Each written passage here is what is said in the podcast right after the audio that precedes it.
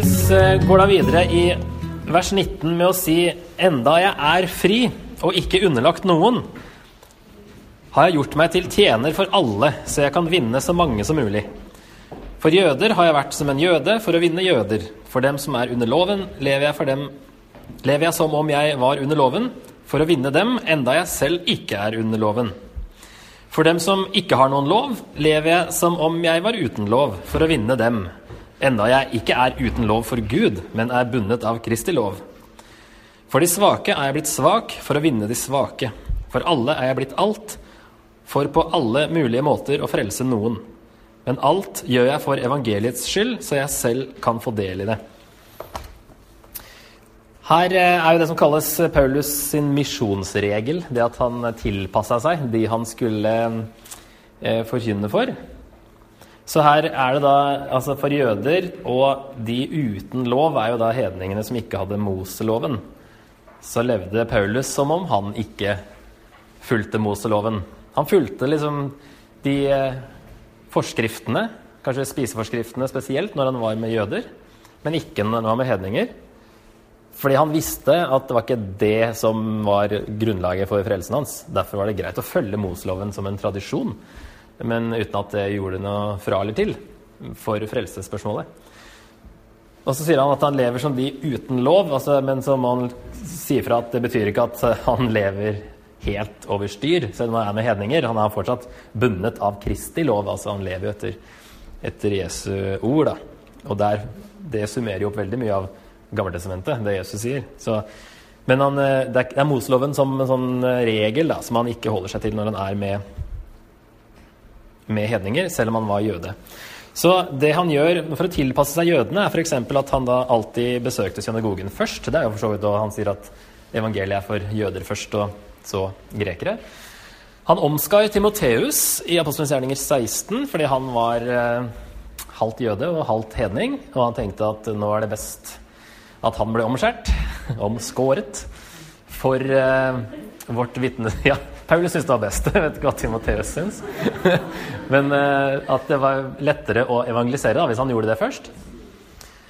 Og så leste vi i Apostelens gjerninger 21 første gangen at han avla, eller står at han klippa håret når han kom til Ken Kree, for han hadde avgitt et løfte. Og det er sannsynligvis det nazirer-løftet som står i Moseloven. Eh, så det kunne han finne på å gjøre, selv om han ikke levde som en jøde som han gjorde før. Og at han holdt seg unna avgudskjøttet, da, som eh, vi leste på Gjerninger 15. Der det står, som sagt, i neste vers at for Moses har mange som leser ham opp i alle synagoger. Et eller sånt noe. Det finnes jøder over hele Romerriket. Derfor hold dere unna de, de fire tingene da, i det brevet som de skrev. Og for hedninger så omskar han ikke Titus.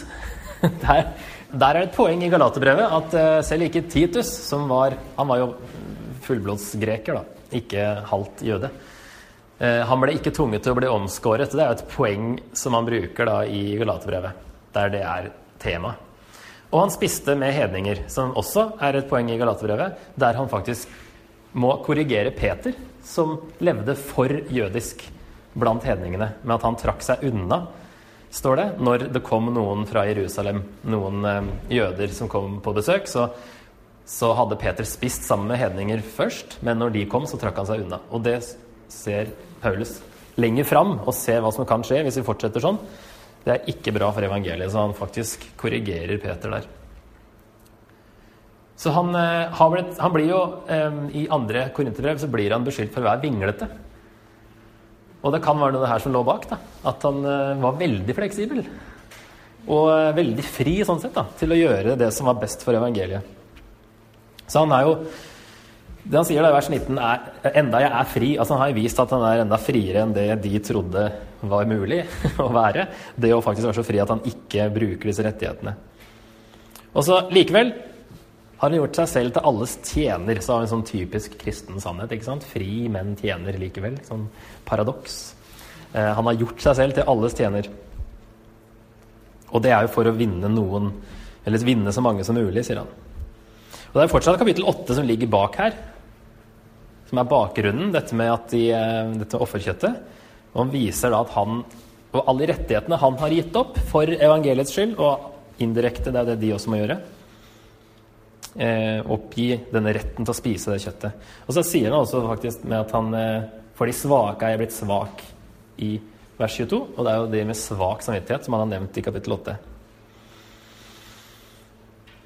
Ja, så Han står ikke på kravene, men han gir seg hele veien hvis noe annet tjener evangeliet bedre.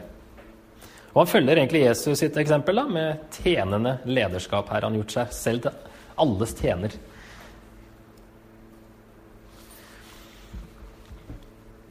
Så eh, neste avsnittet, siste avsnittet i kapittel 9. Vet dere ikke at på stadion deltar alle i løpet, men bare én får seiersprisen? Løp da slik at dere vinner den. Alle som deltar i kamplekene, må nekte seg alt. De gjør det for å vinne en seierskrans som visner, vi for å vinne en som aldri visner. Jeg løper derfor ikke uten å ha et mål. Jeg er heller ikke lik en nevekjemper som slår i løse luften. Nei, jeg kjemper mot meg selv og tvinger kroppen til å lystre for at ikke jeg som har forkynt for andre, skal, selv skal komme til kort. I lys av historisk bakgrunn her, hvorfor tror dere han trekker inn uh, dette bildet? Ja, disse istmiske lekene, som de var godt kjent med. Som da kan faktisk ha skjedd uh, mens Paulus var der også, eh, da han planta menigheten. For han var jo der i ett og et halvt år. Det er mulig at han overvar en av de da. Jeg fant noen bilder av denne seierskransen som han snakker om. Det til venstre er tror jeg lagd av furu. Det brukte de først. Furunåler. Og så gikk det over til å bruke selleri. Så dette er en sellerikrans som det da ble brukt på Paulus sin tid. Så han sier at en sellerikrans det kan ikke måle seg med det å bli frelst. Derfor er det mye viktigere den seierskransen da, som de løper for å motta. Og Han bruker det eksempelet fra altså, idrettsutøvere som da må nekte seg alt, sier han i vers 25. Og det å få dem til å se framover mot målet i stedet for å da bruke alle disse rettighetene underveis. Eh, men eh, ja, tenke Ha litt selvkontroll. Og eh, dette med avgudskjøttet ligger da som sagt fortsatt bak. Se ting i perspektiv og se framover mot målet og tenke hva er det som gjør det best for alle å nå fram dit. Selv om han sier at bare én mottar seiersprisen, så betyr ikke det at det er bare én person som blir frelst. Men eh, det er jo bildet fra lekene, da, hvor mye de ofrer eh, for å vinne denne ene kransen som visner. Hvor mye mer burde ikke da vi ofre på en måte for å vinne en seierskrans som aldri visner? Jeg løper derfor ikke uten å ha et mål. Han tenker alltid fremover. Og når det står at jeg løper Jeg, Jeg er heller ikke lik en nevekjemper, står det det i alle oversettelser? Eller står det noen skyggebokser eller et eller annet i noen andres? Det, ja, stemmer det. Det var det det sto. En som slår ut i løse luften. Så det er en, som, det er en skyggebokser en som slår ut i lufta. Som står og bokser bare i lufta. Um, det kan være en sånn uh, I tillegg til at det kanskje har noe med disse lekene å gjøre, da, siden det er en, noe sport han snakker om her. Men det kan også være denne retorikken. Uh, disse talerne som kom og liksom la fram budskapet sitt eh, bare som en monolog, og ikke i en debatt, ble ofte sett på og faktisk kalt for eh, skyggeboksere, fordi de bare argumenterte mot en innbilt motstander. Så det kan være noe som ligger bak her, da, med at han eh, den, eh, Ja, som han har snakka om tidligere. Ja. Så en foreløpig oppsummering av kapittel 9. Det er på en måte litt andre ting vi kan ta med oss på veien. Det er da dette at Paulus er veldig fleksibel. Det er én ting. Han er ikke så svart-hvitt som vi kanskje har inntrykk av. Og det fikk han faktisk problemer for, da, siden han var så fleksibel. Og det at han valgte å ikke uh, motta penger, men valgte å jobbe sjøl, så blir jo det et problem for korinterne som misforstår og tror at han ikke er en ekte apostel, osv. Og så uh, kan vi jo få ut det poenget at kristne ledere som får betalt, må huske på at det er først og fremst et kall og ikke kun et yrke. Og at man også ikke bør jage etter status på samme måte som man gjør i andre yrker. Eh, og også det at Paulus ikke ser på tjenesten sin som sin, men han ser det som en stor ære å få lov å utføre den når Gud lett kunne ha brukt noen andre. Og så Egentlig så er den eh, kapittelinndelinga litt sånn forstyrrende når kapittel 10 kommer nå, fordi eh, det, Han begynner egentlig med 'for' i 10 vers 1. Og det står ikke denne her, i hvert fall. Eh, og egentlig så er det veldig i sammenheng med det her eh, forrige avsnittet, med mm, de idrettslekene. Men han begynner nå, han henter eksempler fra Gammeltestamentet. Men det siste han sier, er altså det å komme til kort, altså det å bli diskvalifisert, egentlig. Og så kommer det et eksempel på Israel som ble De fleste ble diskvalifisert i denne eh, neste avsnittet som han, som han tar nå. Vi kan lese de første fire versene her på skjermen. Da. For jeg vil at dere skal vite dette, søsken. Våre fedre i ørkenen var alle under skyen, og alle gikk de gjennom havet. Alle ble døpt til Moses i skyen og i havet, og alle spiste den samme åndelige mat, og alle drakk den samme åndelige drikk. For de drakk av den åndelige klippe som fulgte dem, og denne klippen var Kristus. Så her kommer det da en illustrasjon på det å bli diskvalifisert. Her var alle med i andre Mosebok og utgangen fra Egypt. Og dette er en såkalt typologisk tolkning som man begynner med nå. Det, det var eh, den vanligste lesningen av Gammeltestamentet i, den, i Ålkirken, i hvert fall. Før de begynte å bli veldig på den allegoriske, der de prøvde å finne åndelige sannheter i helt historiske beskrivelser. Det er ikke det samme han gjør her, men han ser ting som peker framover, og som oppfylles i Jesus. Og han finner da paralleller her med eh, å gå, altså gikk gjennom havet. Det er en parallell til Altså, det ble døpt til Moses, da. En parallell til dåpen. Alle spiste den samme åndelige mat og drakk den samme åndelige drikk. At det, altså manna og vann i ørkenen blir en parallell til nattverden. Og på en måte peker fram mot det. Du finner i hvert fall andre steder at utgangen i Egypt, eller gjennom hele Bibelen egentlig, så er utgangen i Egypt eh, det som peker framover mot frelsen i Jesus. Den store utgangen er når Jesus eh, redder oss ut fra Egypt. Så det blir et bilde som brukes gjennom resten av Gammeltestamentet også, om utgangen fra Babylon, eller som tilbake fra eksilet. Så er det på en ny, sånn, et nytt exodus. Og så har du da den endelige store når Jesus kommer. Så det finner vi andre steder òg, at det peker framover mot det. Så her alle er med fra starten. Og han sier eh, 'våre fedre', selv om han skriver til hedninger. Det virker som jødene tror jeg ikke ville hatt noe sånn veldig Det er ikke de som ville gått og spist det kjøttet, tror jeg. Eh, men det er hedninger som har, føler veldig frihet. Sånn at han kaller de for 'våre fedre i ørkenen', selv om det er jo ikke biologisk deres fedre. Men han ser på kirka som en fortsettelse av Israel i Gammeltestamentet.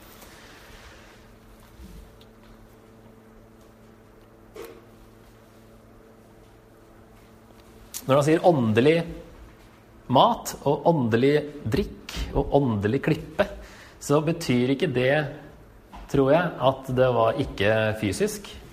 Men det betyr at det kom fra Gud, som er ånd.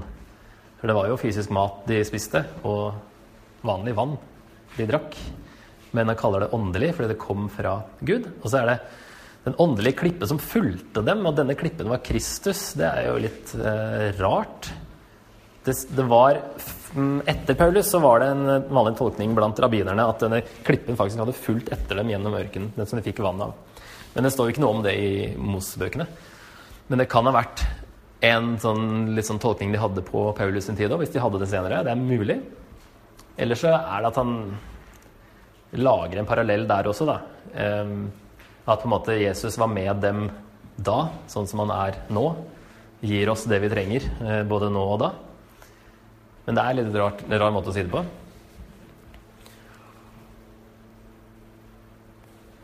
Eller at Jesus var der faktisk som en åpenbaring før han ble inkarnert også. Det er jo noen steder når Gud liksom viser seg i Gammeltestamentet, så kan jo ingen se Gud. F.eks. når Jesaja ble kalt, i Jesaja 6, så ser han Gud på tronen.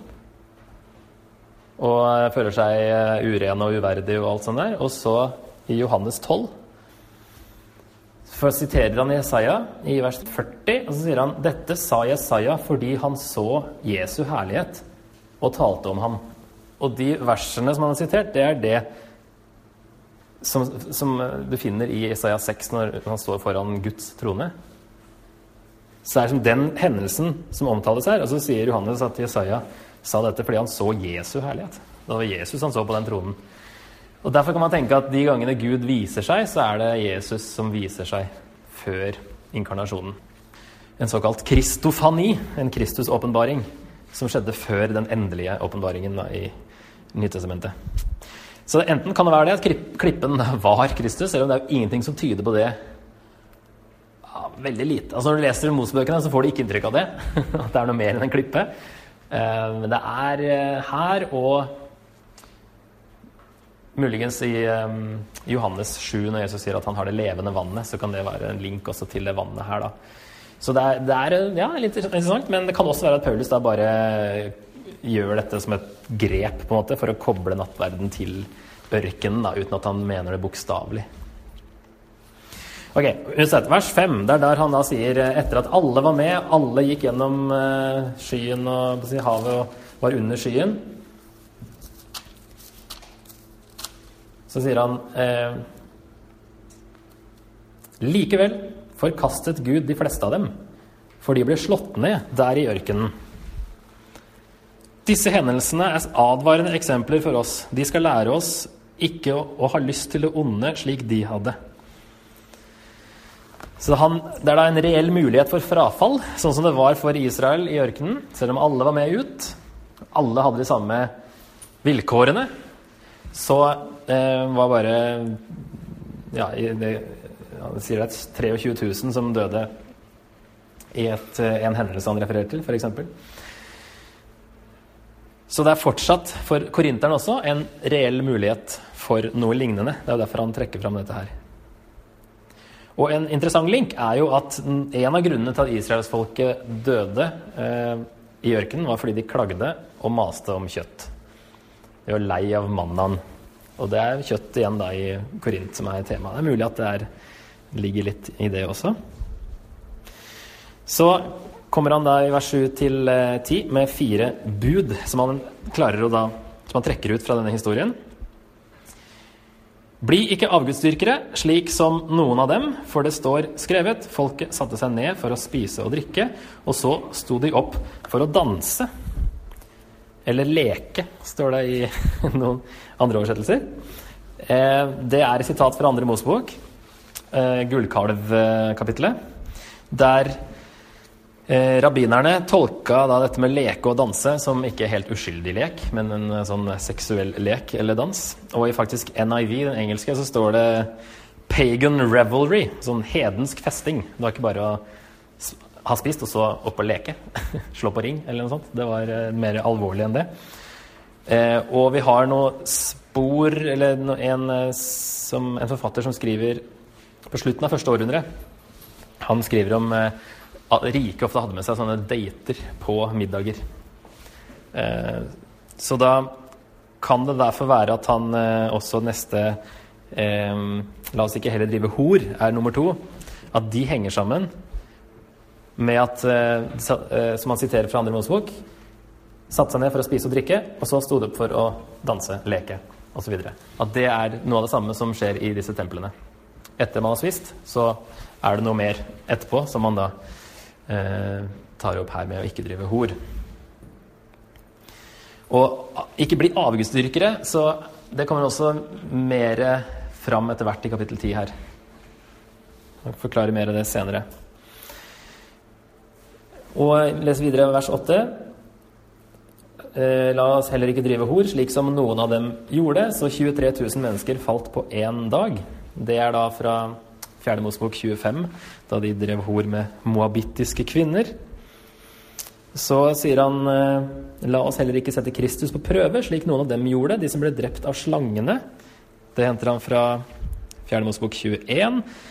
Der klager folket, da. Hvorfor førte dere oss opp fra Egypt for å dø i ørkenen? Her er det verken brød eller vann, og vi er inderlig lei av denne elendige maten, sier de da. Eh, og så kommer da Sender Gud noen slanger Så er det denne kobberslangen som eh, de setter opp, Moses setter opp, og den som ser på kobberslangen, eh, beholder livet. Den som tror at det faktisk hjelper å se på den slangen, den dør ikke. Og det er det Jesus bruker som bakgrunn for Johannes 3,16. I verset, altså Johannes 3, 15, så sier han slik som slangen ble løftet opp i ørkenen, så skal menneskesønnen bli løftet opp. Så det, er, eh, det også peker framover mot Jesus. Men, eh, eh, så det han sier 'ikke sett Kristus på prøve', det kan også ha vært at siden Kristus var klippen, så kan han også ha vært med i denne historien her i Fjerde Mosebok. Så mulig da at han sier her at korinterne setter Gud på prøve, eller Kristus på prøve, ved å være med i disse tempelfestene fordi det grenser mot avgudsdyrkelse. Det er ganske alvorlig. Kanskje de tenkte at det var ok, siden ingen hadde falt fra så langt, eller ingen hadde Gud hadde ikke grepet inn og gjort noe, og da syns han det er greit. Eh, eller også at denne mangelen på å tenke på de andre, altså en mangel på kjærlighet, også er provoserende for Gud. Eh, det å ikke sette ham på prøve. Og så vers 10. La oss ikke være misfornøyde og murre eller klage eller knurre. Det er forskjellige oversettelser. Ikke klag. Eh, slik noen av dem gjorde, de som ble drept av ødeleggeren. Eh, det er mange steder de klagde da, i Mosebøkene. Eh, så han eh, trenger ikke å tenke på én spesiell hendelse her. Denne ødeleggeren, altså dødsengelen, nevnes vel bare med den tiende plagen i Egypt, tror jeg. Men Paulus tenker vel at det var han som utførte dommen andre steder også. Denne dødsengelen. Så her kommer da poenget da, i vers 11. Det som hendte med dem, skulle være til advarsel. Det ble skrevet til rettledning for oss, og til oss er de siste tider kommet. Det er liksom den typologiske tenkningen, at alt det her peker fram mot de siste tider, som starta da Jesus kom. Og Derfor er det her viktig for oss også. Eh, og hva vi kan lære av denne historien her. fordi sannhetene er der fortsatt, og det gjelder på en måte enda mer nå. Eh, typolog, typologien er liksom at det er alltid en slags sånn forhøyelse i oppfyllelsen. Det er liksom noe enda større og bedre med Jesus. Og derfor kan man si at det her eh, virkelig fortsatt gjelder. Eh, og at alt, egentlig alt i Gamle testamentet blir jo oppfylt i Jesus. Derfor det er vers 12. Det er liksom da eh, en oppsummering. Derfor må den som tror han står, passe seg så han ikke faller. Disse som har kunnskap, og som, eh, som spiser avgudskjøttet. Dere har ikke møtt noen overmenneskelig fristelse, og Gud er trofast. Han vil ikke la dere bli fristet over evne. Nei, når dere blir fristet, vil han vise en utvei, slik at dere kan holde ut. Og så kommer det i vers 14 en, eh, en, en sånn oppsummering til. Derfor, mine kjære, Hold dere langt borte fra avgudsdyrkelsen. Det er hovedpoenget hans. Denne avgudsdyrkelsen, som er det som er mest problematisk. Um, utover, utover, det at man kan Ja, det er jo det at man leder andre til fall. Det er jo avgudsdyrkelse som også er problemet der. Så det er egentlig det som er det som ligger bak som hovedpoeng.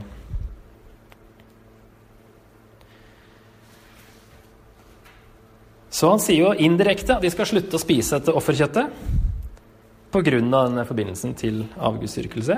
Og holde seg langt borte fra det. Ikke å tøye grensene. Og liksom Ja, nei, hold deg langt borte fra avgudsdyrkelse.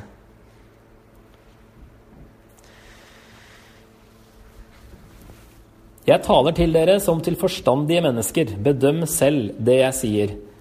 Og så kommer han da med en sammenligning mellom nattverden og det å spise et annet måltid. Det er to måltider. Liksom nattverden er ett, og så er det de andre måltidene de spiser i tempelet, som er et annet. Og Her er det igjen et gjentatt ord, det med å ha del i, som går igjen. Velsignelsens beger som vi velsigner, gir ikke det del i Kristi blod? Brødet som vi bryter, gir ikke det del i Kristi kropp? Fordi det er ett brød, er vi alle én kropp. For vi har alle del i det ene brød. Se på Israels folk. Har ikke de som spiser av offeret, del i det som skjer på alteret? Sier jeg med dette at avgudsoffer betyr noe, eller at en avgud virkelig er noe? Nei, slike offer blir ofret til onde ånder og ikke til Gud. Og jeg vil ikke at dere skal ha fellesskap med de onde åndene. Der I vers 20 så er det det samme, samme rot i hvert fall som, som de, i de andre forekomstene her. Med å ha del i eller ha fellesskap med. Dere kan ikke drikke både Herrens beger og onde ånders beger. Dere kan ikke delta både ved Herrens bord og ved onde ånders bord. Her kommer det virkelig alvoret fram. Det er, Selv om avguden ikke finnes, så er det demoner til stede, sier Paulus, i templene. Og derfor, ved å være med på det her, så kan det ofrer du på en måte til demonene, og du er faktisk med på å støtte religion som for å føre folk vil. Altså demonene bruker avgudene, sier han, til å få folk til å tro på noe annet enn den ene Gud. Så han sier, at, uh, han sier, sier med dette at, en, at uh, avgudsoffer er, uh, betyr noe, eller at en avgud virkelig er noe. At det går an å faktisk ha del i en avgud. For det har vi tatt opp før, at det finnes jo ikke noen avguder. Så forklarer han at nei, men det er til onde ånder faktisk dere ofrer. Og vi tenker ofte at du kan finne sånn spor av sannheten i andre religioner i våre dager.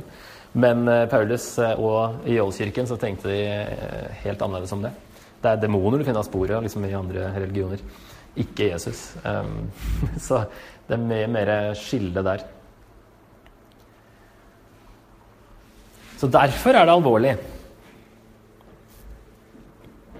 Når det er onde ånder faktisk som er involvert. Og at du får på en måte et slags fellesskap med dem når du spiser i tempelet her. Så man, de vet jo ikke at de ofrer til demoner når de ofrer til en avgud. Så på en måte indirekte er man med på å ofre til eh, en ond ånd, sier Paulus. Og det går ikke an å ha åndelig fellesskap med både onde ånder og, og med Gud. Så de kan ikke ha del i nattverden samtidig som de fortsetter å gå til disse tempelfestene. Så derfor sier han i vers 23. Jeg har lov til alt, men ikke alt tjener til det gode. Det sa han også tidligere, og det lurer vi på da om er et sånt annet ordtak, siden det dukker opp igjen, eh, igjen her. Jeg har lov til alt, men ikke alt bygger opp. Så han sier ja, vi har lov på en måte til å spise kjøtt, men det er ikke alltid så lurt. Og så kommer han med et eksempel der det er eh, greit. Det er når de ikke har en kobling til tempelet. Ingen må søke sitt eget beste, men den andres beste. Alt kjøtt som selges på torget, kan dere spise med god samvittighet og uten å spørre hva det er. For jorden og det som fyller den, hører Herren til. Hvis en ikke-troende inviterer dere, og dere sier ja til å komme, så spis også da med god samvittighet alt som blir satt fram, uten spørsmål. Men om noen sier 'dette er offerkjøtt', så spis det ikke av hensyn til den som sa det, og for samvittighetens skyld. Jeg mener da den andres samvittighet, ikke din. For hvorfor skal min, min, frihet bli dømt av en annens samvittighet? Hvis jeg tar imot dette med takk, hvorfor skal jeg da klandres for det jeg takker Gud for? De to siste her er liksom vrient. Han høres ut som han motsier seg sjøl. Og jeg sjekka noen kommentarer, og to av tre av de jeg sjekka, de hoppa bare elegant over de to versene. Men det var én som eh, sa da at eh, det synes høres veldig fornuftig ut. Ehm, at det er kanskje helst noe korinterne tenkte, som Paulus, eller, eller en sånn typisk innvending som Paulus trekker inn her. Når han først sier 'jeg mener av den andre samvittighet, ikke din', og så er det en innvending da 'hvorfor skal min frihet bli dømt av en annen samvittighet'? Hvis jeg tar imot dette med takk, hvorfor skal jeg da klandres for det jeg takker Gud for?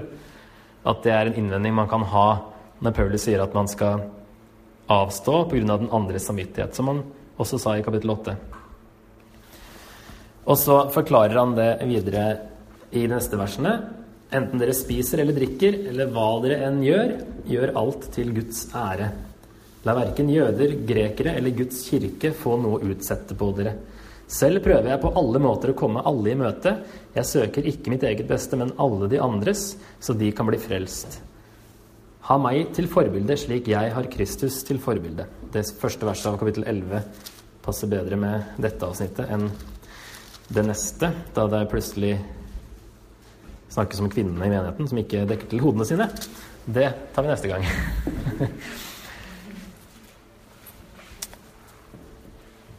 Så eh, her er en annen setting. Altså her er det kjøtt. Her er det tydelig at kjøtt er bare kjøtt. Demonene bor ikke i kjøttet. Det, det, er tydelig at det er helt greit å spise kjøtt når det ikke skjer i tempelet. Hvis da ikke plutselig noen opplyser om at det her er offerkjøtt, og da er det to muligheter. Enten er det en annen kristen som også er invitert til middagen her, og som har et problem, og som sier da til du som vet at uh, dette er greit, så sier han ja, men det er jo offerkjøtt. Da skal du ikke spise. Da blir det det samme som i kapittel 8. Eller at det er en ikke-kristen som vil være eh, sensitiv overfor din samvittighet. Eh, og opplyser om at det er avgudskjøtt. Og han ville kanskje tenke at hvis, hvis du spiser dette her nå, så er det greit for deg å tilbe de andre gudene samtidig som Gud? Altså det blir en politisme? Det er mulig at det er noe sånt som ligger bak da. Men det er i hvert fall poenget da at er, når, når, forbindelsen til tempelet er brutt, så er det helt greit å spise. Men igjen så er det den samvittigheten som, eh, til andre da, som skal eh, som skal alltid være viktigere enn denne retten til å spise. Og at Uansett hva dere gjør, gjør alt til Guds ære. La verken jøder, grekere eller Guds kirke få noe å utsette på dere. Det er derfor um, på en måte da at friheten skal bli dømt av en annen samvittighet, som det i vers 29, som kanskje da ikke er Paulus sine egne ord, eller et argument imot, da, som han tenker at de kommer til å få.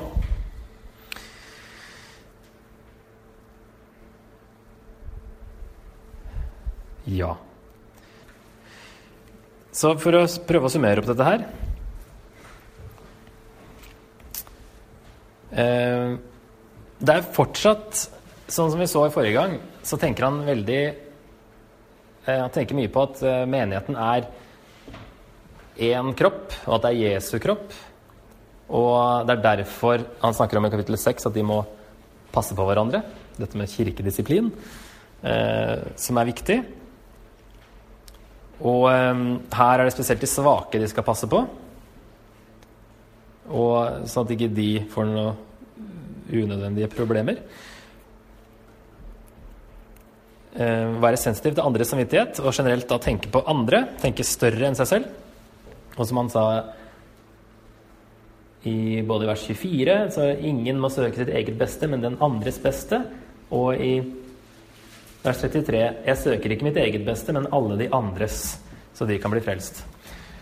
Det gjør han både eh, når, hvis en annen har problemer med dette kjøttet, så tenker han på de andre. Men også da han kom til Korint første gang og forkynte evangeliet, så tenkte han på deres beste ved å ikke motta noe fra dem. Så han tenker på det hele tida, selv om de er kristne eller ikke.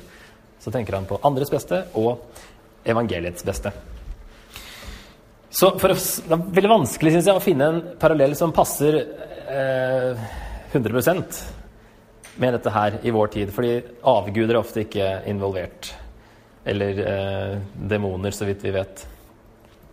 Eh, men eh, det er i hvert fall prinsippet om ikke føre noen til fall, det kan vi bruke om mye. Ja. Det er mye. Så kapittel 8 er på en måte lettere å anvende enn hele kapittel 8 til 10 der det plutselig er demoner og sånt involvert også. Men jeg har to spørsmål da, som jeg da prøver å overlate det her til dere. og finne disse parallellene, fordi Det er mye som kan liksom passe, men det er andre ting kanskje dere har eh, erfart som eh, dere kan snakke om nå. Er det situasjoner i vår hverdag som kommer nær opp til spising av avgudskjøtt? Når kan det bli synd å gjøre bruk av friheten i Kristus? Og det andre spørsmålet Paulus summerer opp disse kapitlene med hva dere enn gjør, gjør alt til Guds ære. Kommer dere på konkrete eksempler hvor dette kan hjelpe oss til å ta valg? Mye mer som kunne vært sagt, eh, men forhåpentligvis så får dere sagt mye. Ut fra det her, eller fra andre ting dere har sett. Det er altså, alkoholspørsmålet er det som først man tenker på i dette her.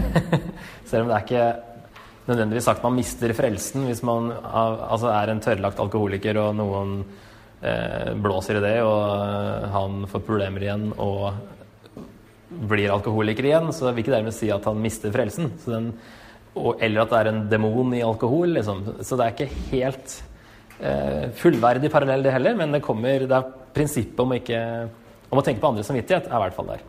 Så det er mye vi kan eh, koble opp mot det her. Så eh, da prøver vi på det. Da er klokka blitt ni. Eh, det var superinteressant på det bordet her, så jeg håper dere har eh, fått mange eksempler der man kan eh, trekke visdom ut av det Paulus skriver om her. Jeg velger jo å tro at det er en grunn til at Gud bevarte første korinterbrev. Når det brevet før og det brevet mellom første og andre ikke eksisterer lenger, så kanskje det var veldig viktig, første korinterbrev og andre. Så vi snakka første gangen at det er mest sannsynlig andre og fjerde korinterbrev, egentlig, av det vi vet at de har eh, korrespondert. Så det er ting vi kan få nytte av her også. Selv om det er vanskelig å finne en eksakt parallell, så er det eh, Og andre deler av verden er det kanskje mer relevant da, med sånn avgudskjøtt der det er en annen religion som råder. Eh, kristendommen er minoritet osv. Men eh, det var veldig gøy å sitte her på det bordet, i hvert fall. Så eh, da, neste gang så er det da om to uker. Da er det litt av hvert. Eh, da er det kvinner som ikke dekker til hodene. Og så er det misbruk av nattverden, og så er det nådegavene. Og da med såkalt eh, kjærlighetens høysang i kapittel 13, og hvordan den passer inn i nådegavediskusjonen. For det er en ny sandwich der, da. 12, 13 og 14. Nådegaver, kjærlighet, nådegaver. Så det henger også sammen, de tre. Så får vi se hvordan kapittel 13 passer i kontekst med første korinterbrev. Det får vi sjelden i vielser i eh, kirka. ok, flott. Takk for i kveld. Ses om to uker.